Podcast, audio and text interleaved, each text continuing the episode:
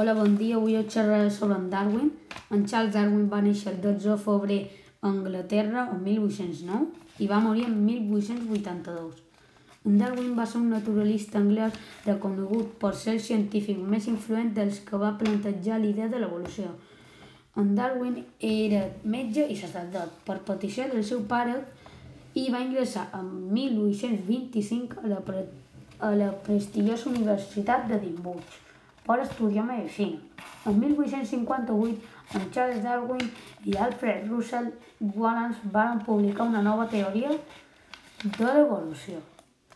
Com, van, com es van donar compte d'aquesta evolució? Hi eren unes illes però hi van veure no sé, i quan es van anar a l'altra illa van veure la mateixa raça de ser però amb el pic diferent.